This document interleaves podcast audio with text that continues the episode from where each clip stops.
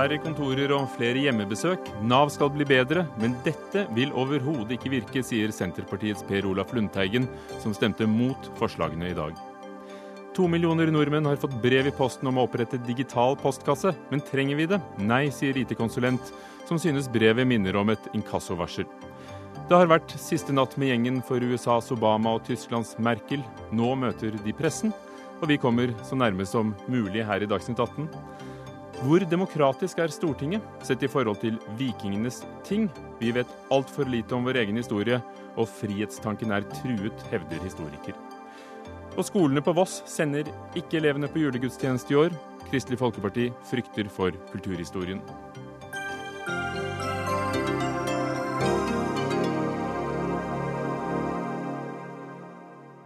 Velkommen til Dagsnytt 18 med Ugo Fermariello i dag. Større kontorer, strengere krav og oppsøkende virksomhet det er blant forandringene Nav-brukere vil oppleve i fremtiden. Nav, etaten som betaler ut 14 000 kroner i sekundet i trygd og støtte, skal bli ny, og det skal arbeidsminister Anniken Hauglie fra Høyre sørge for. Og i dag stemte Stortinget over forslagene. Hauglie forvalter altså en tredjedel av statsbudsjettet, og vil legge ned kontorer og, og heller sende Nav hjem til oss. Anniken Hauglie, hvorfor skal Nav endres nå? Det som vi er opptatt av, er at, uh, at, vi skal klare å få flere på trygd og over på jobb. At flere skal kunne forsørge seg selv og sin familie og stå på egne bein. Og For å få til det, så må vi ta en del grep. Det ene er å brukerrette Nav mye mer. Være tettere på de som trenger hjelp. Det andre er å sørge for at Nav kommer tettere på uh, arbeidslivet lokalt. Eh, og det tredje er å delegere mer makt og myndighet, mer ansvar ned på det enkelte kontor, slik at de ansatte på Nav-kontorene kan bruke sitt gode skjønn til å hjelpe brukerne på den måten brukerne best eh, trenger. Så dette er en kraftig dreining i retning av mer arbeid og mer lokal handlefrihet, som vi er helt sikre på kommer til å komme brukerne til gode. Og den kommer etter at dere har hatt en ekspertutredning og, og anbefalt eh, en hel serie med tiltak. Nå som det har vært gjennom Stortinget og blitt stemt over, Eh, er det slik du hoppet på? Har du fått flertall for, for det du ville? Ja, altså Nav har jo på mange måter vært sjelegransket i ti år. Det har vært mange eh, utvalg og meldinger som har vært lagt fram. Eh, og mange har jo opp gjennom årene pekt på de svakhetene som eh, har vært.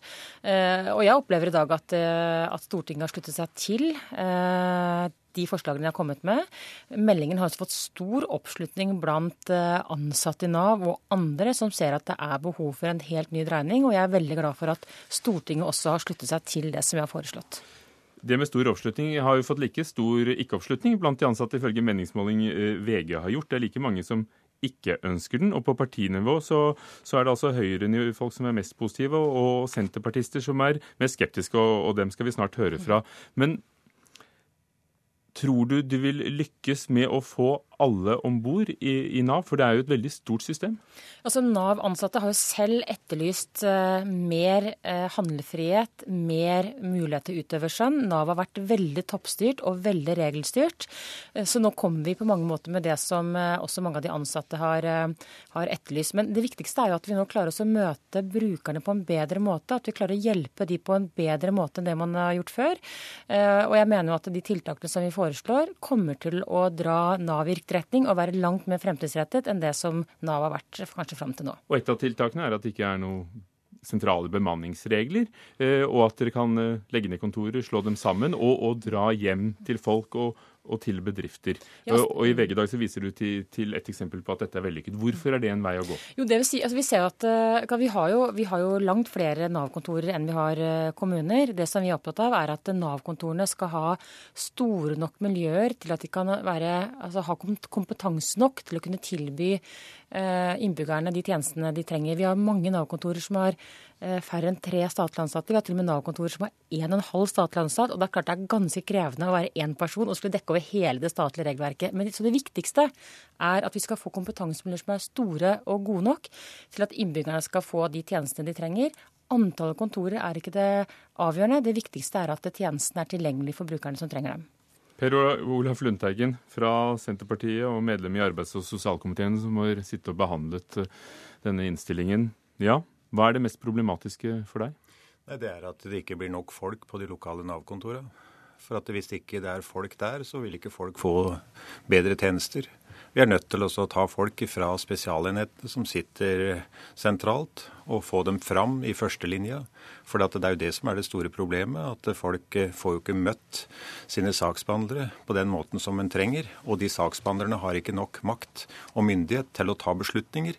Og dermed så blir det et byråkrati som er enormt. Får... Er ikke da løsningen nettopp at Nav-ansatte, som Hauglie viste til, kan da dra og møte folk og, og behandle saken og, og, og, ta med seg eh, PC-en? Jo, det er jo hyggelig det hvis en kan ha tid til å reise ut og, besøke folk, men det står for meg som ganske utopisk når en ikke engang har tid til å møte folk på, på, kontoret. Så det her er ganske uvirkelig, for det er altså i det siste tatt så mange tusen stillinger fra de lokale Nav-kontorene til spesialistenhetene, samtidig som at den makta er tatt fra lokalkontorene til spesialistenhetene. Det er ting nå i meldinga fra departementet som er riktig, som går i den riktige retningen. Men det er ikke nok eh, overføring av eh, myndighet, det er ikke nok overføring av folk for at det kan bli noe vesentlig forandring. Og Det vi skal huske på her, det er altså så mange som sliter i dette samfunnet, og som har problemer med å få den hjelpen trenger. Og det er altså sånn at de store Nav-kontorene i, i, byene de har vist seg en helt klar sammenheng med at etter Nav-reformen så har de vanskeligstilte i arbeidsmarkedet fått dårligere tilbud i de store byene. Ja, altså jeg tror Det som er viktig å huske på nå, er at, eh, at det største Nav-kontoret i landet er nav.no. Eh, det er der man får flest eh, henvendelser, og vi er opptatt av, at, vi er opptatt av å utvikle den delen av Nav på en sånn måte at eh, alle de, de, av oss som ikke har veldig store problemer, men som kanskje bare skal fylle ut et skjema og sende inn, at vi kan gjøre det hjemmefra for å frigjøre tid nettopp for at ansatte skal kunne bruke fagkompetansen sin på de som trenger hjelp, og så kan vi andre heller klare oss er, i større grad selv. Det er selvsagt at, eh, at, det er positivt, men, men utfordringen er de mange som har altså så vanskelig livssituasjon at de trenger å møte en person, se en i øya og få bistand der og da, og få søknadene korrekte, sånn at en slipper slipper også gå den, den kanossagangen rundt omkring i systemet som fører til altså sein behandling og masse byråkrati. Og det kan vel bli en utfordring hvis det skal sitte færre folk selv på de små kontorene nærme der folk bor? Altså, vi er opptatt av, Når vi får litt større fagmiljøer, så betyr det også at eh, og, men det, Dette skal jo avgjøres også lokalt. Dette er jo Stat og kommune skal jo sammen avgjøre hvordan kontorenes størrelse og, lokalit, og lokaliteter For dette er nærmest en langtidsplan for Nav, akkurat som ja, du har det altså, for Forsvaret, kan, kan og så skal det utarbeides ja, og Vi ser nå flere kommuner nå går sammen i interkommunale samarbeid. Noen kommuner, sånn som Gausdal og Lillehammer, de har slått seg sammen. Så er, det skjer jo mye på dette området nå. Men det som er viktig, det er jo nettopp fordi det er så mange mennesker der ute som har så sammensatte problemer at man trenger gode kompetansemiljøer som kan ivareta det. Og da må de være store nok, og de må være robuste nok. Og da er de kanskje bedre enn det halvannen stillingen som sitter tross, nærmere, men, men, tross alt det bare, bare, er halvannet menneske? Det er ikke halvannen stillinger, da. Det er jo, det er jo mer, langt mer enn det. For det er jo også kommunale stillinger. Men det som er kjernen i det hele her, sånn, er at det der hvor det er oversiktlige forhold, der hvor de Nav-ansatte kjenner de de skal hjelpe, og kjenner arbeidsgivere som har kompetanse og, og, kvalifikasjoner sånn at de kan hjelpe, der fungerer det bra. Der hvor det er store, uoversiktlige forhold, der blir det mye byråkrati, og det er det Senterpartiet reagerer mot. Nå var det jo mange forslag som ble stemt over i dag de fleste ble, ble, godtatt med et overveldende flertall? Da, Nei, det var ikke sånn. Det var eh, Opposisjonens forslag ble jo stemt ned, og det var et fåtall forslag som da ble vedtatt uh, fra regjeringas si. Saken som er avklart i dag, den fører til veldig liten endring. Så hva burde Hauglie ha gjort? Det var ikke det jeg ville frem til. Nettopp. Hun burde flytte folk fra spesialavdelingene, som sitter langt ifra, og fram i første linje, og hjelpe folk som trenger det. Det er sånn, for det er der det er det kritiske punkt. Men det, det, det skjer ikke veldig lite med denne meldingen. Tvert om så skjer det ganske mye med den meldingen, fordi vi bl.a. følger den opp i det fremlagte budsjettet. Vi, eh, vi forenkler nå hele tiltaksapparatet til eh, Nav for å delegere ansvar lokalt.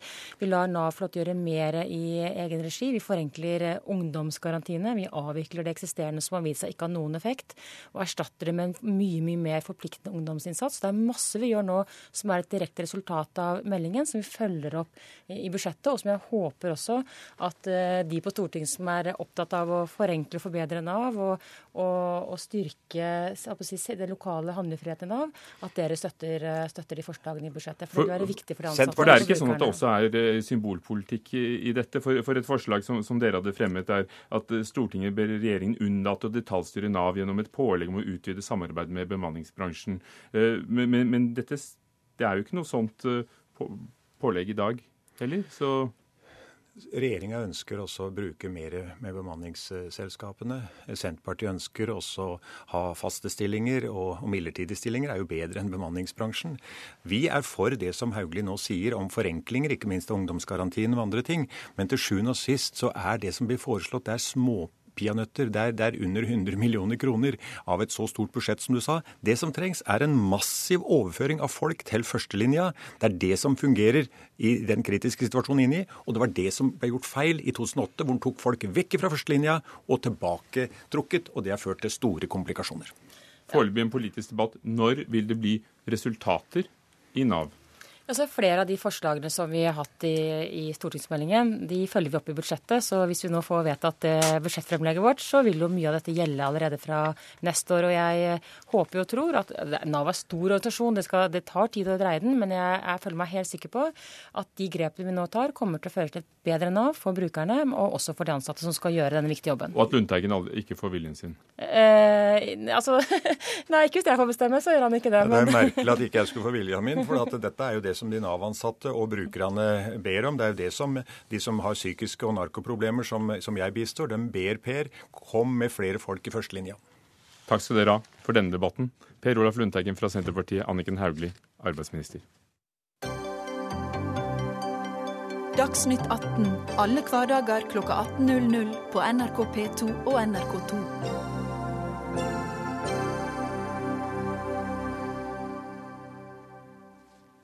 Barack Obama har hatt siste natt med gjengen i Berlin. Han spiste middag i, i, tre timer med Tysklands forbundskansler Angela Merkel i går, og nå holder de pressekonferanse. Dette er altså USAs eh, avtroppende presidents uh, siste europaturné som president. Uh, og i, i, morgen så skal han møte flere europeere, før han skal til Peru. Guri Nordstrøm, vår korrespondent på plass i, i Berlin. hva skjer nå?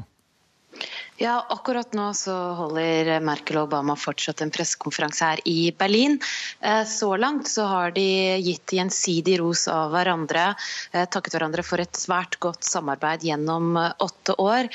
Obama ble også spurt om han, for det store spørsmålet her i Tyskland er jo om Merkel kommer til å stille som kanslerkandidat igjen i 2017. og Obama ble spurt da om han ville ønsket at Merkel skulle stille til det igjen.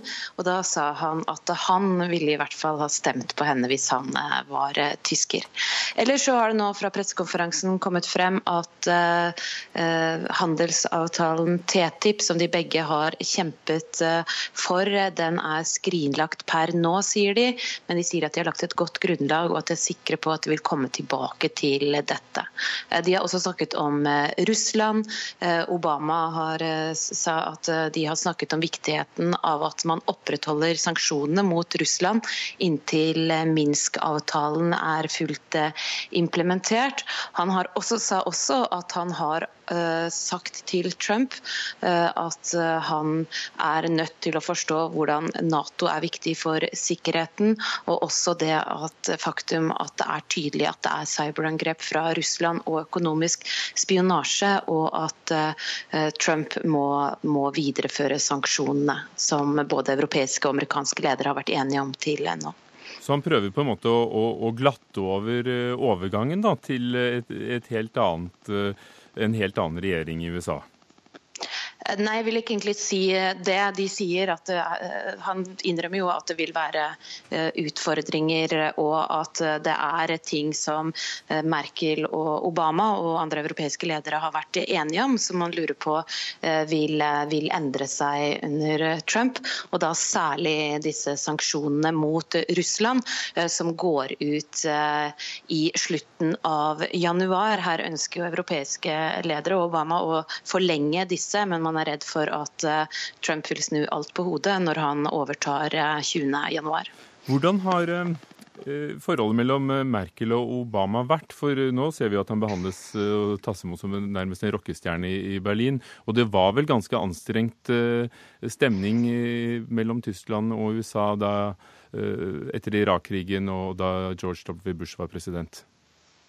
Ja, det var det. Eh, mellom Obama og Merkel så var det også litt eh, Det tok litt tid før det forholdet ble varmt. Merkel var ganske skeptisk til den unge presidenten og lurte nok på om det var noe bak all eh, karismaen. Og så er det som du nevnte, det har vært to nedturer i forholdet. Både i 2003, da Tyskland ikke ville være med på USAs invasjon i Irak, og også for tre år siden, da det ble kjent at amerikanerne i flere år hadde avlyttet Merkels telefon. Men eh, akkurat nå de siste årene har det vært et veldig godt eh, forhold.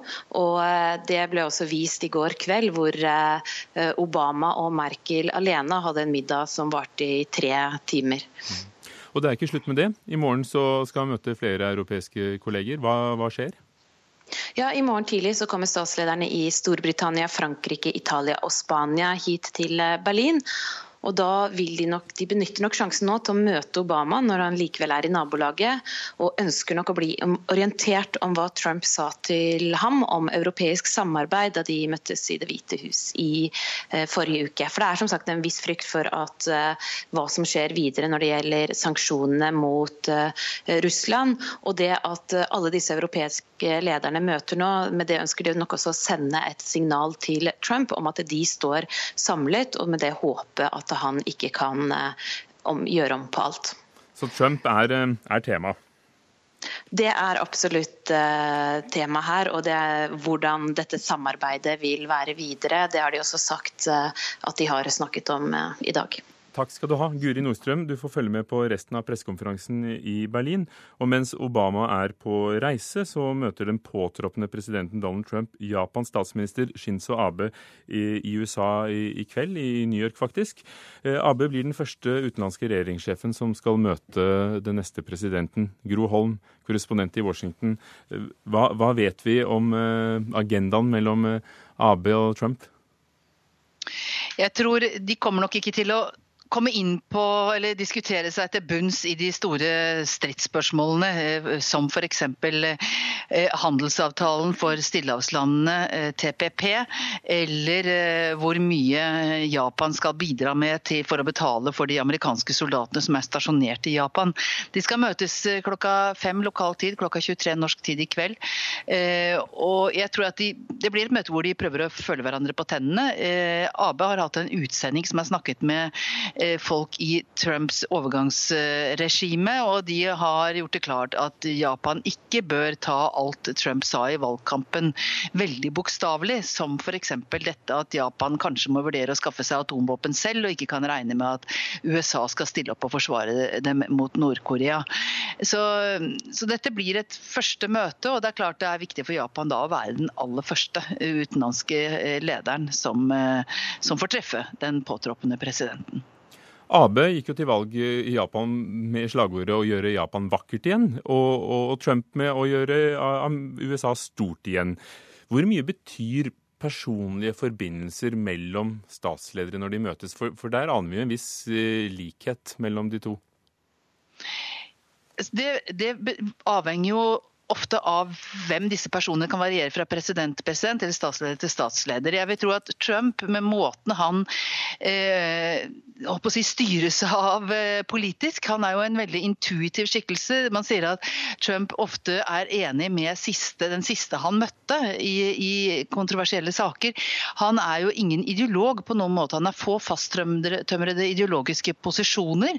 Så eh, da blir jo personkjemien veldig viktig. Og dette om, om, den han snakker med, oppleves av Trump som en troverdig person, som en, eh, en, leder. For det er veldig viktig for Trump at han forholder seg til andre ledere som han kan respektere eh, som ledere. Og, og, så det er, det er nok eh, veldig viktig. Men det er noen posisjoner jeg ikke tror Trump kommer til å gi opp, og det er bl.a. synet på frihandelsavtalen for stillehavslandet TPP.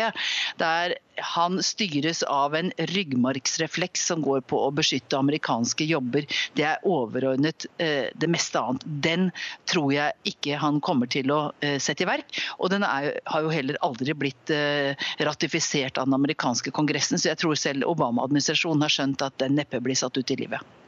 Denne TPP, altså? Trans-Pacific Partnership. Ja. Det er den vi snakker om, og den var jo også Hillary Clinton imot. Etter å ha vært i for, så var hun imot i forbindelse med valgkampen. Og de, det er jo dette som går igjen, at de opplever at frihandelsavtaler ikke beskytter amerikanske arbeidsplasser tilstrekkelig. For Japan, Hva er det Japan har å tjene på den, for, for den er viktig for dem? Ja, Den er viktig for dem, og ikke minst fordi dette er en frihandelsavtale som ikke omfatter Kina. Det er jo en avtale som på mange måter skal være, var tenkt å være et bolverk mot den dominerende rollen som Kina spiller, ikke bare rundt Stillehavet, men i hele verden og i verdenshandelen. Så eh, for lille Japan da, så jo, er jo dette en veldig viktig avtale som eh, det, er, det, er, alvorlig for dem hvis den ikke blir satt ut i livet, eller eventuelt en mindre utgave uten USA blir satt ut i livet. Og Det er jo eh, ikke minst adgangen til amerikanske markeder for, for Japan japansk teknologi, for japanske biler. Eh, det er, eh, det er utrolig viktig for Japan. Takk skal du ha, Gro Holm. Eh, liten ting på tampen her. Det er kommet opp en ny kandidat til posten som utenriksminister, som vi har snakket om før, nemlig en, en kvinne. Nikki Haley fra Sør-Carolina. Er, er, det et uventet valg? Eller et uventet kandidat? Hun har eh, null utenrikspolitisk erfaring, men er solid plassert i sentrum av partiet. Er veldig populær, og hun ble kjent i USA da hun etter en eh, massakre i en svart kirke, det var en hvit rasist som sto bak den, eh, gikk med på å ta ned sørstatsflagget i fire ned fra offentlige bygninger. Det var i juni 2015. Hun støttet opprinnelig Marco Rubio, og hun, vi vet at hun er mot Iran-avtalen utenrikspolitisk, ellers vet vi lite om hva hun står for utenrikspolitisk. Men eh, dette vil jo, hvis, hvis, det skulle bli henne, så vil jo det være et signal om at Trump er interessert i å ta inn eh, folk som var imot han i valgkampen. Og det vil bli oppfattet positivt i det republikanske partiet. Takk. Gro Holm i Washington, Vårin Alme, skribent på nettsiden amerikanskpolitikk.no. Hva tror du? Hva vil, eh, vil han tørre å velge Nikki Haley? Eh, det er, jo, det er, jo, rytter som tilsier det nå. Eh, og Foreløpig har vi jo sett en tendens til at han tar inn representanter fra ytre høyrefløy i sentrale posisjoner. Bl.a. av Steve Bannon, som har drevet kampanjen hans, er nå ansatt som sjefstrateg. Og det er jo blitt ansett av, som problematisk bl.a. av moderate republikanere innad i partiet. Nettopp fordi han er kjent for å komme med rasistiske utsagn osv. Så, videre. så Nikki Haley vil jo være da en, en, et mer akseptabelt valg for eh, republikanere, og, og for da å samle partiet, som de er i gang med nå. Og det er jo ikke så mange kvinner han har valgt ut, og hun i tillegg, er i tillegg indisk-amerikansk. Vil, ja. vil, det være et signal som er viktig? Det kan absolutt være et tegn på sosial eh, framgang. Eh, men så må vi jo ikke glemme at han har hatt en kvinnelig valgkampanjesjef, eh, Kellyanne Conway, som da er den første i sin posisjon der også. Japan og USA, som vi snakket om. Shinzo Abe møter Trump i New York, eh, og folk får knapt gått inn i butikkene på 5. Aveny, fordi så stort er vaktholdet utenfor eh, Trump Tower, hvor han har kontoret, kjent fra TV-serien. Um, vil han kunne sette forholdet på spill hvis han ikke ville ha noe av denne handelsavtalen og og, og true med å trekke soldater tilbake? Ja, altså i, i, så tilfelle vil jo det være ekstremt dramatisk eh, for forholdet ikke bare til Japan, men også til resten av både Europa og Asia. Men, men altså, eh, det er jo ingenting som tilsier nå at han faktisk kommer til å fortsette å være såpass dramatisk som det han har hintet om i valgkampen. Eh, han har jo tydeligvis da sagt til Obama at han kommer til å opprettholde artikkel 5 i Nato, og at han står tett ved eh, USAs allierte, som da Japan.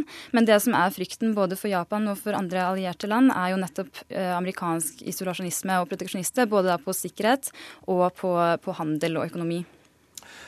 Trump sa også under valgkampen at andre Nato-land må ta større ansvar for fellesutgiftene. Hvor hardt kommer han til å stå på, på disse kravene?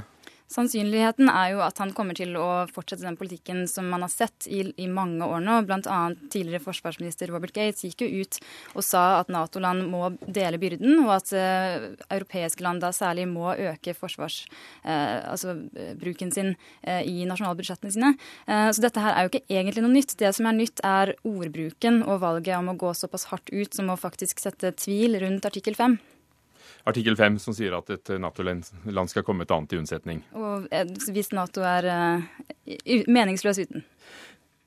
20.1 skal han overta. Hva, hvilke konturer du, uh, ser du av den regjeringen som han kommer til å få? Foreløpig så er det jo som sagt mye ytre høyre-mennesker. Men, eh, eh, og han har også gått, gått eh, ut mot presse på Twitter osv. Så, videre, så det er jo ting som tyder på at han kommer til å fortsette å være litt kontroversiell. Men så ser vi da møter som i dag, og med Obama, der han har vært mer moderat. Takk skal du ha. Vårin Alme, som skriver på amerikanskpolitikk.no.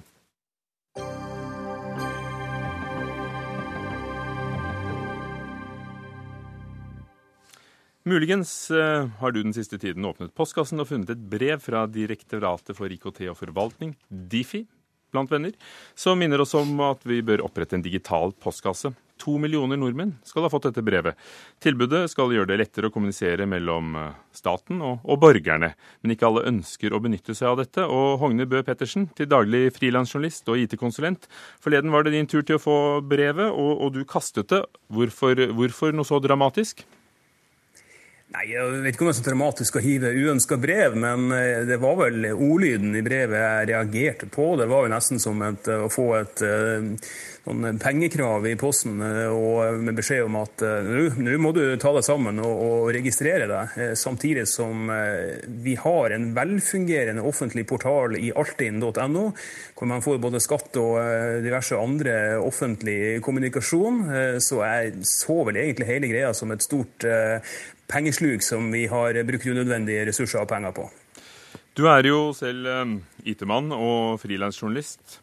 Og, og, nå er det nå engang blitt sånn at det ble denne løsningen. Og vi har alltid på den ene siden og, og, og sånn digital sikker postkasse på den andre.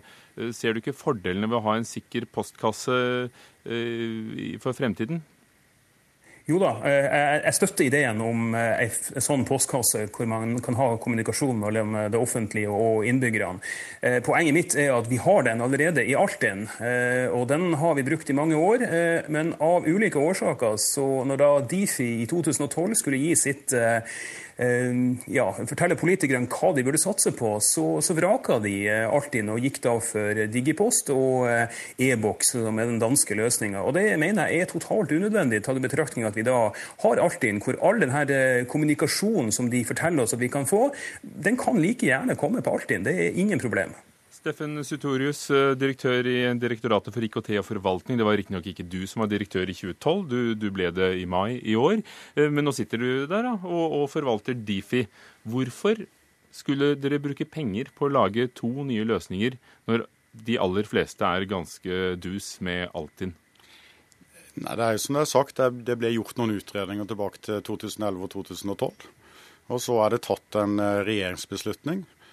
Så denne postkassesløsningen som er nå, og har vært i, i to år, det er den fellesløsningen vi har for digital postkasse i dag. Så i dag er ikke Altinn en, en felles digital postkasse for offentlige innbyggere. Så hva vil vi få, enten på Postens Digipost eller det private selskapet E-post, der Posten Danmark bl.a. er medeier. Hva får vi der som vi ikke får i Altinn, Nav-portalen, Min journal, Mine vaksiner, Lånekassen osv.? Det er sånn som du sier at det er noen offentlige portaler som har egne postkasseløsninger. Men de aller fleste har faktisk ikke det. Og de er avhengig av å ha en felles digital postkasse hvis de skal kunne sende sine vedtak. De får du i denne felles digitale postkassen. Du får også digital post fra de som også har postkasse på sine portaler, sånn som Nav, som ble eksemplifisert her. Kan si vedtak om foreldrepenger. Det kan være vedtak om arbeidsavklaringspenger, det kan være bostøtte fra Husbanken, det kan være kommunal saksbehandling, som f.eks. byggesaker. Hogne Bø Pettersen, det er jo sånn at Altinn sender ikke post til deg. Du, du må logge deg inn og, og titte etter hva som ligger der. Ja da, og eh, når du da eh, tenker på at man eh, da har nettbank, man har alle de løsningene som du nettopp skisserte, så tenker folk nå når de får det her brevet i postkassa å nei, enda en løsning jeg skal forholde meg til, enda flere passord å huske, enda flere brikker for å bruke, få sånne sikkerhetskoder for å logge seg på osv. Og, så og det er jo det også de tilbakemeldingene som jeg har fått på det innlegget mitt som du har gått som en farsott på nettet. Så det er jo tydelig at det er svært mange som både reagerer på at vi ikke kan bruke Altinn, og som reagerer på at åh, enda en løsning. Og ja, for Du, du skrev altså en kronikk om dette på nrk.no Ytring, og, og, mange som kommenterer og, og, forteller historier om at de ikke fikk posten, og 40 kroner ble til, til kassovarsel på, øh, på 4000 osv. Steffen Sutorius, hvorfor anbefalte dere i sin tid å utvikle en ny løsning? For det var jo sånn at det hadde vel gått an å be Altinn lage et postkassesystem også. Det, sett utenfra så, så, så hadde det virket fornuftig, da? Nå satt ikke jeg rundt alle de vurderingene Nei, men som du ble har gjort sett da. papirene. Ja da, det har jeg gjort. Og Altinn var en av flere løsninger som ble vurdert. Og så ble det ikke den som ble valgt. Så basert på den Syns du det er fornuftig som IT-mann og Ja, Jeg syns den løsningen som er valgt i dag, den er veldig god. Altså den gir eh, Bare i år så vil antageligvis den samfunnsøkonomiske nytteeffekten av den være 100 millioner kroner, som følge av bare besparelse av porto. Potensialet er enda større.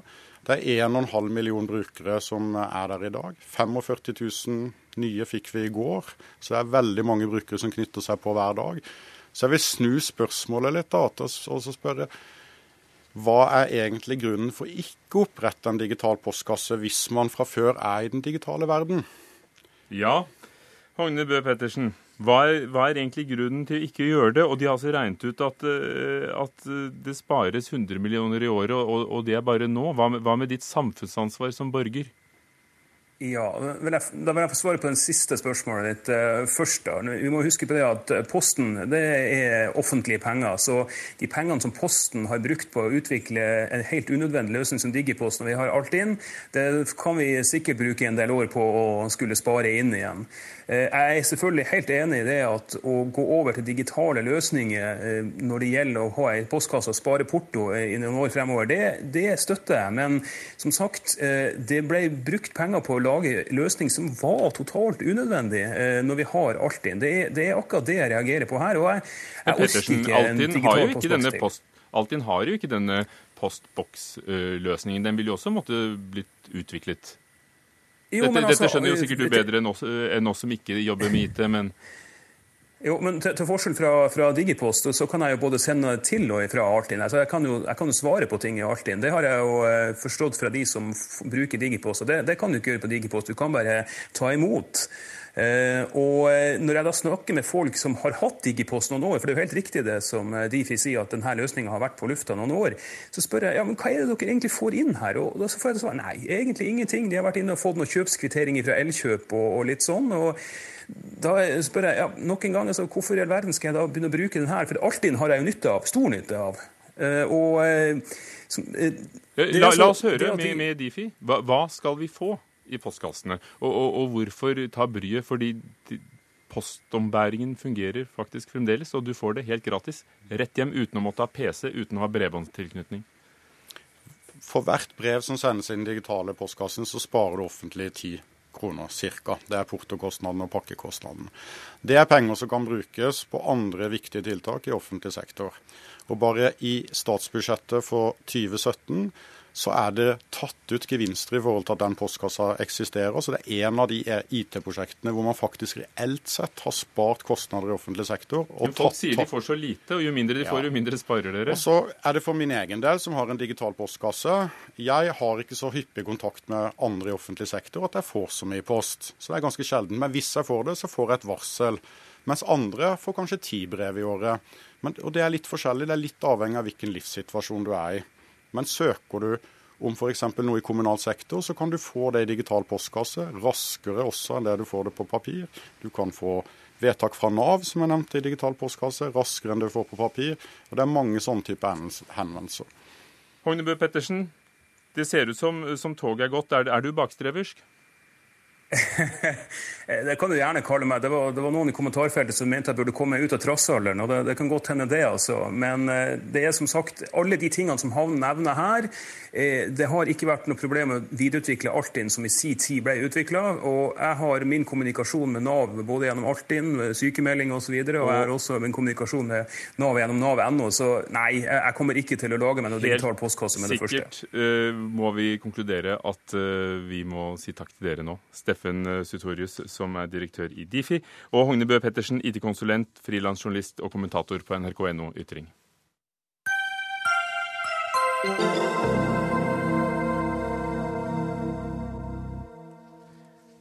Høyre og Frp nektet å røre bilavgiftene da de satte seg ned sammen med Venstre og Kristelig Folkeparti til nye samtaler om statsbudsjettet for neste år i dag. Nå må partienes parlamentariske ledere steppe inn og forsøke å løse budsjettflokene, og, og dem er det en del av.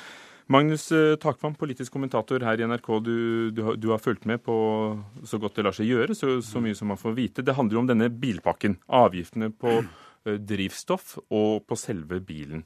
Hvordan argumenterer Frp for å stå på sitt? For Frp er spørsmålet om drivstoffavgifter en rød linje. Det danner Det er kjerne et kjernepunkt i deres politikk. Og når de går så eh, kraftig imot det, så argumenterer de selvfølgelig med at for de eh, som ikke har noe alternativ, eh, f.eks. når det gjelder kollektivtrafikk eh, i distriktene, eller eh, andre drivstoff tilgjengelige, så vil, vil, altså de som er nødt til å bruke relativt mye bil, bli rammet unødig hardt. Og Derfor så har de bare i denne sammenheng strukket seg til en relativt beskjeden økning av bensin- og dieselavgiftene på 15 og 35 øre, med kompensasjon, som du er inne på, både når det gjelder litt mindre bompengeavgifter, eh, årsavgift for bil og også litt større pendlerfradrag. Og den pakken er de overhodet ikke villig til å røre i forhandlingene. Det er et reelt ultimatum. Og Venstre har vel også stilt et ultimatum. De vil ha 50 øre avgift på bensin, 1 krone på diesel. Alt dette for å oppnå miljømål, utslippsmål. Altså, Man kan tolke Venstres eh, krav ultimativt, men det er jo eh, regjeringen som legger fram et budsjett og som har ansvaret så å si, eh, for å få det gjennom i Stortinget. Så det er litt forskjell på et ultimatum fra fra Stortinget og fra regjeringen. Men eh, kjerneargumentasjonen til Venstre er rett og slett at skal man oppnå reduksjoner i transportsektoren, som står for en tredel av mm, klimautslippene i Norge, så må man gjøre eh, miljøvennlig drivstoff billigere. Og det i dag er biodiesel, biodrivstoff, én krone dyrere enn fossilt drivstoff Eh, fossilt diesel. Og da er det ikke noen vei utenom å øke prisen på eh, biodiesel opp til det, slik at den blir konkurransedyktig, og man kan bytte ut eh, fossilt diesel med biodrivstoff. Vi snakker om Frp, vi snakker om Venstre. Er ikke dette så viktig for Kristelig Folkeparti? Jo, men det er klart at Venstre er, eh, har eh, en miljøprofil som er mye mer eh, ja, viktig for partiet enn det den er for, for, Kristelig Folkeparti. Kristelig Folkeparti har mange andre saker som de også prioriterer. Men begge sentrumspartiene er provosert over at Erna Solberg og Siv Jensen stilte ultimatum, eh, som, som, vi har vært inne på, på denne saken. Det mener de var unødvendig, eh, og har eh, etter deres synspunkt da gjort forhandlingene nærmest umulige i, i Stortinget.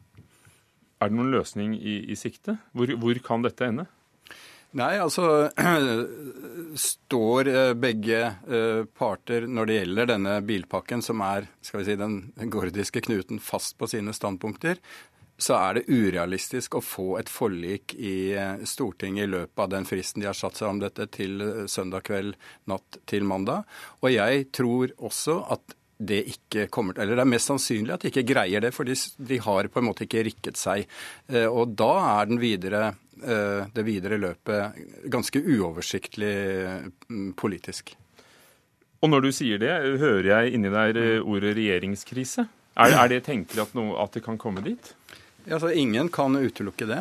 Hvis man ikke har et forlik om et statsbudsjett, så må eh, regjeringen da ha et løp, eller regjeringspartiene et løp fram til det endelige vedtaket, der de der de da legger inn i, i, Stortinget sitt forslag til statsbudsjett, eventuelt med påplussinger og endringer som de har kommet med tilbud om i løpet av forhandlingene, men som ikke er blitt akseptert, legger inn det. Og så må de på en eller annen måte få flertall for det, enten via et kabinettspørsmål, eller får de ikke flertall for det, så, så oppstår det en, en krise. Og det er det er ingen som tør å utelukke eh, en krisesituasjon i begynnelsen av desember rundt dette budsjettet. sånn at det er et eh, høyt spill som foregår. Magnus Takvam, politisk kommentator, tusen takk. Magnus, dette viser vel at med mindretallsregjering så, så får Stortinget ganske mye de skal ha sagt? Ja, det, det, er riktig. Det er en god illustrasjon på det. Og det, eh, Eh, Fordi Vi skal nemlig snakke om hvor mye Stortinget har betydd før og nå, og akkurat i dag. Hvor mye betyr Stortinget og politikerne? Nei, Det er klart at en mindretallsregjering Alle merker jo forskjellen fra da man hadde en flertallsregjering i åtte år med den rød-grønne eh, regjeringen. Men da, da, så vi jo ikke disse konfliktene. Da var den på bakrommet i, i regjeringskvartalet og ikke i Stortinget for åpen scene. Tusen takk. Mm. Hør Dagsnytt 18 når du vil. Radio NRK NO.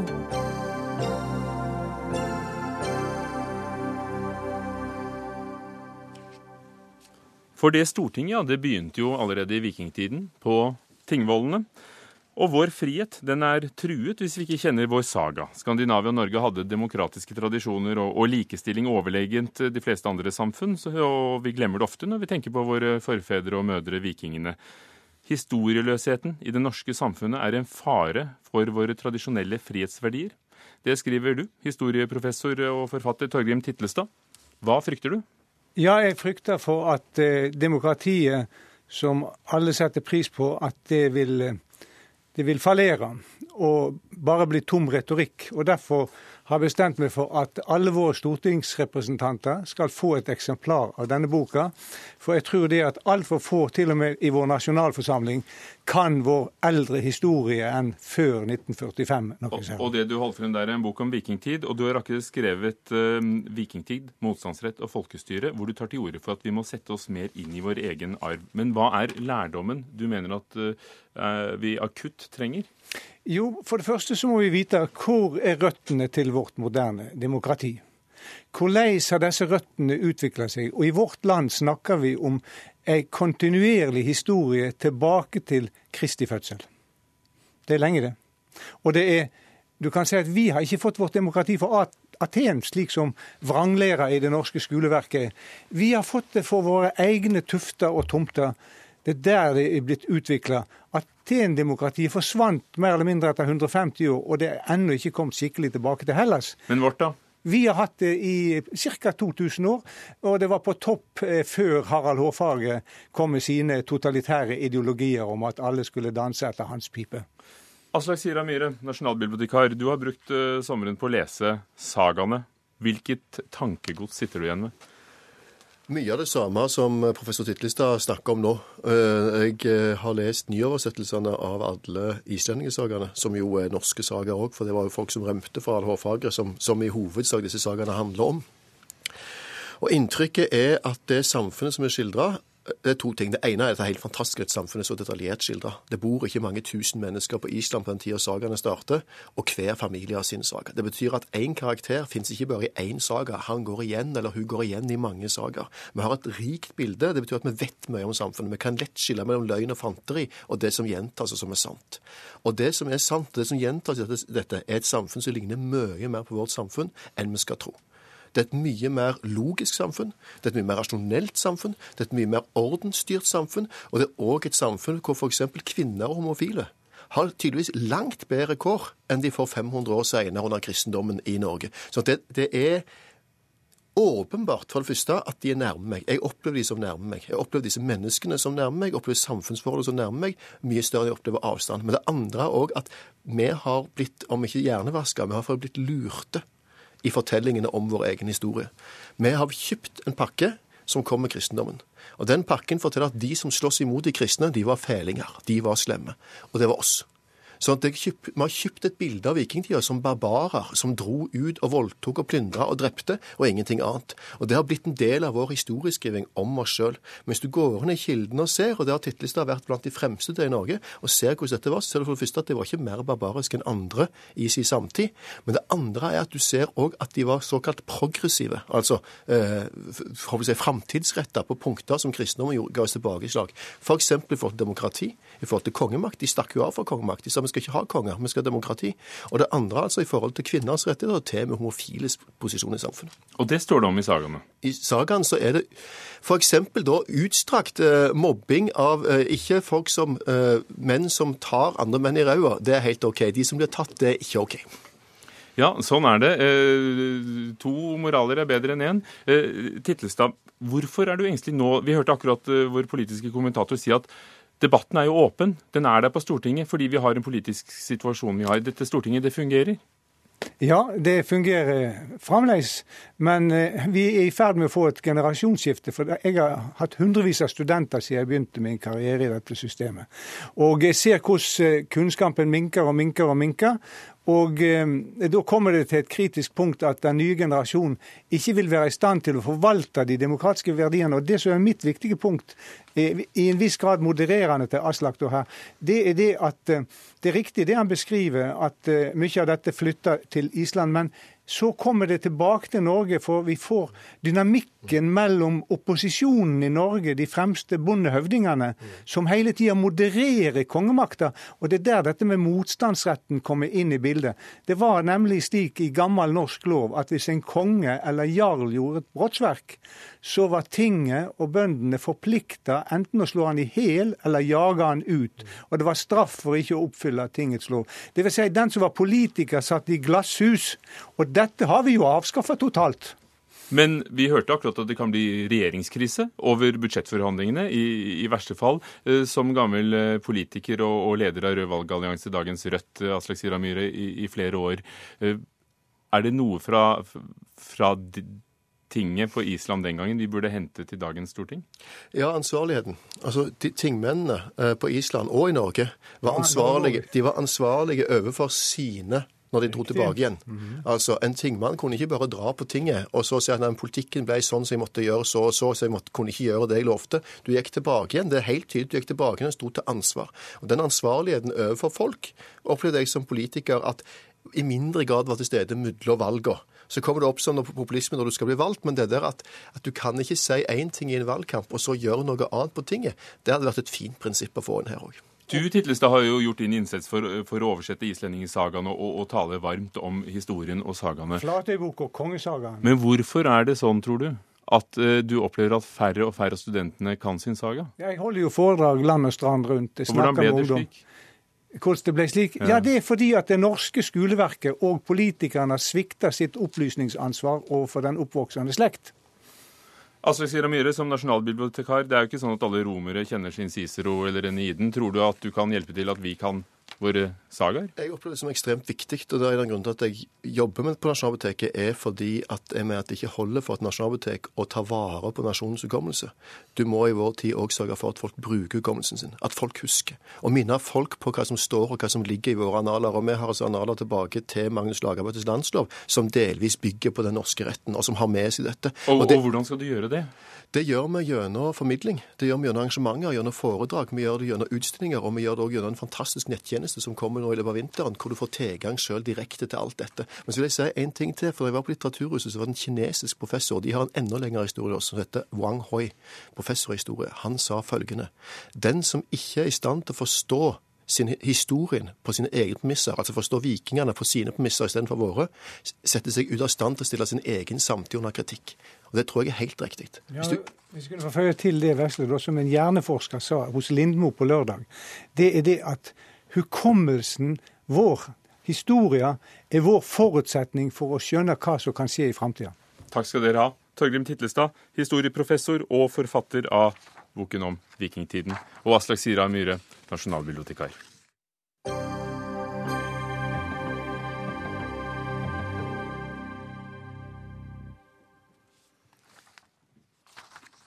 Fra vikingene til eh, dem som overtok, nemlig de kristne.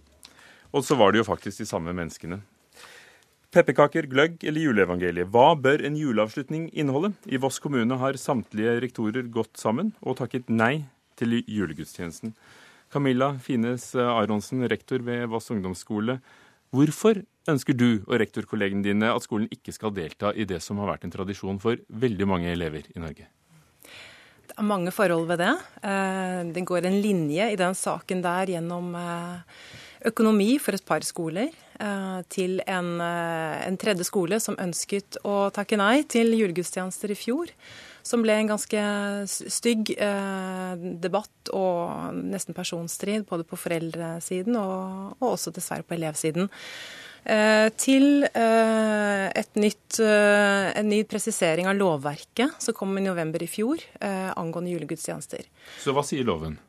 Loven sier at skolene kan arrangere skolegudstjenester. Eh, men det kan ikke være en del av KRLE-faget. Og når det ligger til kan være skolegudstjenester', så ligger det også en del premiss for det. Bl.a. at det ikke skal være avslutning av, året, eh, for der skal alle eh, elevene delta. Det skal også være aktiv påmelding. Men man kan altså arrangere skolegudstjenester. Det kan man. Så har vi på bakgrunn av dette her, så begynte vi en debatt i rektorkollegiet. Eh, vi ønsket ikke at økonomi eh, eller behov for skyss skulle gjøre at det var forskjeller på skolene i kommunen. Eh, vi ønsket heller ikke at det skulle være sånn at det ble splid på enkelte skoler hvis noen tok, takket nei til tilbudet. Vi ønsket derfor å ha lik praksis, stå sammen. Og så tenkte vi i hele denne prosessen her at vi ønsker faktisk å få til et opplegg med Kirken som kan inkludere alle elevene. Og det er der vi står nå. Eh, nå kan jeg si at det ble en mediesak lenge før vi egentlig var klare for at det skulle bli en mediesak, fordi eh, det saksforberedende brevet vi sendte til, til Kirken, eh, da hadde vi ikke engang begynt prosessen. Så hva slags arrangement blir det i år? Ja. Det, vi har ikke spikret det helt ferdig. Vi jobber veldig godt sammen med Kirken på Voss nå. Det er et forslag til en julesamling Eh, hvor alle elevene kan delta. Det skal ikke være bønn, eh, forkynnelse eller religiøs deltakelse. Men det skal være jule, eh, jule, altså, salmer, det kan være altså, julefortellingen. presten kan fortelle om hvorfor presten har lilla stola, f.eks. Men det er å sette alle de viktige delene av altså ritualet som er knyttet til julehøytiden, inn i en kontekst, forklarende. Eh, så man har på en måte en slags distanse til det. da. Og Det kan alle elevene delta i, og eh, det er noe som KRLE-faget sier at elevene skal. Dagrun Eriksen, ja. nestleder i Kristelig Folkeparti. En julesamling i kirken uten juleevangeliet. som blir det sannsynligvis på Voss i år. Hva, hva mener du om det? Nå høres det jo ut som at juleevangeliet skulle få lov å være med, men ikke bønner. Nei, altså Jeg syns det er flott at man prøver å finne noen, noen, løsninger når det først er blitt sånn som det er blitt. Den første beskjeden man fikk om at uh, alle rektorene hadde avlyst skolegudstjenester og ikke ønska det, det syns jeg var en veldig trist beskjed. Fordi at det handler jo om juletradisjoner. Og selv om KRLE-faget ikke skal være knytta til skolegudstjenester, så står det i formålsparagrafen at den skal bygge på vår kristne, humanistiske eh, tro, eh, tradisjon. For kultur og tradisjon, heter det.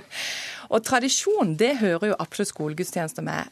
Og jeg syns at det, det kanskje ble mest trist over den argumentasjonen, og grunnen til at man har vikt, det er fordi det ble splid i foreldregruppa. Fordi vi har en oppgave å bygge bro imellom. Og det å si at fordi det er blitt splid, at de voksne ikke klarer å finne ut av dette, og ta det med seg videre til barn og si at nei, da kan vi ikke gå i kirka, da må vi holde religion, da må vi holde det som er forskjellig utenfor fellesskapet, det syns jeg er en veldig trist, eh, trist beskjed å gi til ungene våre. Det er mye bedre at vi er tydelige på at noen hører til i kirka, noen gjør ikke. Det er frivillig å gå der. Men vi kan være til stede hos hverandre og se også hvordan trosutøvelsen går. Så jeg skulle nok ønske at de beholdt skolegudstjeneste, men den er i hvert fall et skritt på veien, det de nå prøver å lage. Ingelin Ida Hansen, styremedlem i Human-Etisk Forbund i Hordaland. Du er også med oss, og, og dere arbeider jo for å avvikle hele julegudstjenesten i, i, i, skolen. Men det er jo ingen tvang til å delta. Eh, så hvorfor ikke la elevene få med seg denne biten av kulturhistorie? Vi feirer jo tross alt 500 år siden Luther eh, neste år. Ja, vi ønsker jo i all hovedsak at alle forkynnende arrangement skal ut av skolen og inn i fritida. Men når det er sagt, så ser vi at det ikke kan skje over natta. Så vi vil ha et velfungerende ordning med aktiv påmelding, som ble nevnt eh, innledningsvis her. Men det viktige er at det er likeverdige alternativer. Og det er, det, sånn som ordningen er i dag, så er det ikke likeverdig. Hva, hva synes du om den ordningen eh, skolene på Voss er kommet frem til sammen med Kirken? Eh, det er likevel, eh, Jeg ser tegn til, eh, til deltakelse i religion her, og det er det som er viktig for oss. Det er stor forskjell på å lære om religion og lære om trosutøvelse, og det å delta i den. Dagrun Eriksen, nå som vi er i ferd med å, å få en folkekirke og ikke en statskirke, hva med om Kirken inviterte til julegudstjenestene som alle elevene kunne komme på etter skolen? Det gjør, altså, det gjør jo eh, man hele tida. Det er jo gudstjenester hver søndag. Så hvis Nettopp. man ønsker å komme der, så kan man gjøre det. Men det er også viktig når skolen skal vise et mangfold, så tror jeg det er viktig også å vise noe av det som hører til vår tusenårige kristne tradisjon. Der har kirkedeltakelse og jul hørt veldig tett sammen. Eh, det er en del av vår tradisjon. Og så har jeg lyst til å si at til en del av de nye som er kommet til landet vårt eh, Jeg har snakka med en del av de etter at denne debatten er gått. Det er ganske mange som sier til oss i KrF stå på, også muslimer. For det de sier at dette er jo et sted hvor det faktisk åpnes opp ei dør til den norske jula, og de kan få lov å komme inn og se hva som faktisk skjer. For resten av jula så lukker vi oss ganske inne eh, i våre egne tradisjoner, familietradisjoner og sånn. Men akkurat den skolegudstjenesten gir en sånn Det er dette jula handler om, dette er vår kultur, dette er vår tradisjon. Så jeg syns at eh, det er trist at Human-Etisk Forbund hver jul jobber mot å få skolegudstjenestene bort. Glad for at rektorene gjør litt posit mer positive ting. Jeg er ikke sikker at Jon Lilletun hadde blitt så lei seg når han ser det resultatet hvis de får en sånn samling. Men jeg tror med avlysning av skolegudstjenester og punktum, tror jeg at Jon Lilletun vil vært skuffa over å si gamle Vossebygd. Jon Lilletun, salige Jon Lilletun, som også var statsråd. Eh, Ingelin Ida Hansen, gikk du på julegudstjeneste da du gikk på skolen? Eh, Jeg prøvde meg på alternative opplegg, men jeg er et godt eksempel på at det ikke er en velfungerende ordning. Eh, Det er snakk om at jeg sitter på skolen, gjerne alene med en lærer, og løser oppgaver, skoleoppgaver. Eller at eh, vi har sett, vi har sett andre alternative opplegg, som f.eks. å rydde skoleplassen for søppel. Eller å, eller å ja. Så er, Alternativene fungerer ikke, og det er det vi er opptatt av. Så jeg syns også det er trist at vi må ta denne debatten her hvert år. Fordi vi mener at vårt krav eller vårt ønske er ganske enkelt. Vi ønsker at UDIs retningslinjer skal følges. Ja, jeg er jo helt enig at vi har sett eh, eksempler på at de alternative oppleggene ikke har vært gode. og Derfor var KrF et av de partiene som tok til orde når vi endra disse forskriftene som sa at du skal ha, du skal ha al, eh, alternative opplegg som er gode. Og det å kunne å plukke søppel eller gjøre andre skoleoppgaver er ikke et godt alternativ. Men at man sitter alene, det kan man ikke ta ansvar for. Det er et valg man tar om man vil delta eller ikke. Om det er én eller ti som velger å ikke være der, det går ikke an å gjøre noe med hvis det skal være et frivillig valg. Ingelin Ida Hansen, ser det ut til at, eh, at i Norge så er det sånn at dette er en så forankret del av tradisjonen at på den ene eller andre måten så, så kanskje det hadde vært greit å være med og, og heller fått noe å, å observere, da, om man ikke deltar? Jeg synes Det er litt sånn en skummel retorikk som blir brukt i denne debatten her, om at, at eh, kristne verdier er det samme som å være norsk. Og det syns absolutt ikke jeg. Er jeg mindre norsk enn noen andre? Annet eh, statsministerens uttalelser får meg til å føle meg mindre norsk enn noen andre, fordi jeg ikke går i kirka. For under spørretimen i går så sa altså statsminister Erna Solberg at det er en unnlatelsessynd å utelukke julegudstjenesten fra skolen. Er det det? Nettopp, og det syns jeg absolutt ikke. Det er det viktigste. Er, vi nekter ingen å, å, utøve sin religion, men vi mener at den skal ut av skolen. Jeg syns det er veldig trist at vi har en statsminister som fronter et opplegg som ekskluderer elever, mens resten av året snakker om antimobbing og inkludering. Dagrun Eriksen, et land som Frankrike har gjort dette i 200 år. Skilt alt offentlig fra øh, religion. Kunne ikke Norge gjort det nå? Nei, og I Frankrike ser vi jo nettopp et eksempel på hvis du skyver alt av religion vekk fra det offentlige rom, inn i det private, så får du noen, noen vanskelige samtaler. Eh, og det synes Jeg for jeg er opptatt av at vi skal kunne ha synlighet på de religiøse symbolene. Synlighet på at det å tro faktisk har en innvirkning på menneskers liv. Det mener jeg. Og som jeg sier, Erna Solberg snakker om at det er skolen som har en unnlatelsessyn, ikke de som ikke går på skolegudstjeneste. Så bare det er tydeliggjort. Ingelin Ida Hansen, hadde det vært en unnlatelses... Nei, unnskyld, jeg mente Camilla Finnes Aronsen, som nettopp er rektor ved, ved Voss ungdomsskole og, og, og, styrer denne skolen. Hadde det vært en unnlatelsessynd, ser du det, hvis du uh, hadde droppet det helt? Jeg tenker ikke det ville vært en unnlatelsessynd. Og på en måte så syns jeg det er um, Altså, det jeg hører statsministeren sier, hvis hun er gjengitt korrekt, korrekt så, så, tenker jeg at hun på en side sier at hun ikke skal instruere, uh, men kommer med et, et, veldig kraftig råd om hva hun mener at skolen skal gjøre. Samtidig hadde vi på en måte ikke gått for noe annet alternativ, bare kuttet, så hadde vi jo ikke gjort noe som ikke var i, i, i, i tråd med lovverket. Vi har jo på en måte gjort noe som er i tråd med lovverket. Og nå er jo ikke statsministeren her. Det, det, var du, Dagrun Eriksen fra Kristelig Folkeparti. Vi må sette strek der. Takk også til Camilla Finnes Aronsen, rektor ved Voss ungdomsskole, og Ingelin Ida Hansen, styremedlem i Human-Etisk Forbund. Det var nemlig Dagsnytt 18 for i dag. Ingebjørg Sæbu var ansvarlig for sendingen. Lisbeth Sellereite, teknisk ansvarlig. Ugo Fermariello, programleder. Takk for i dag.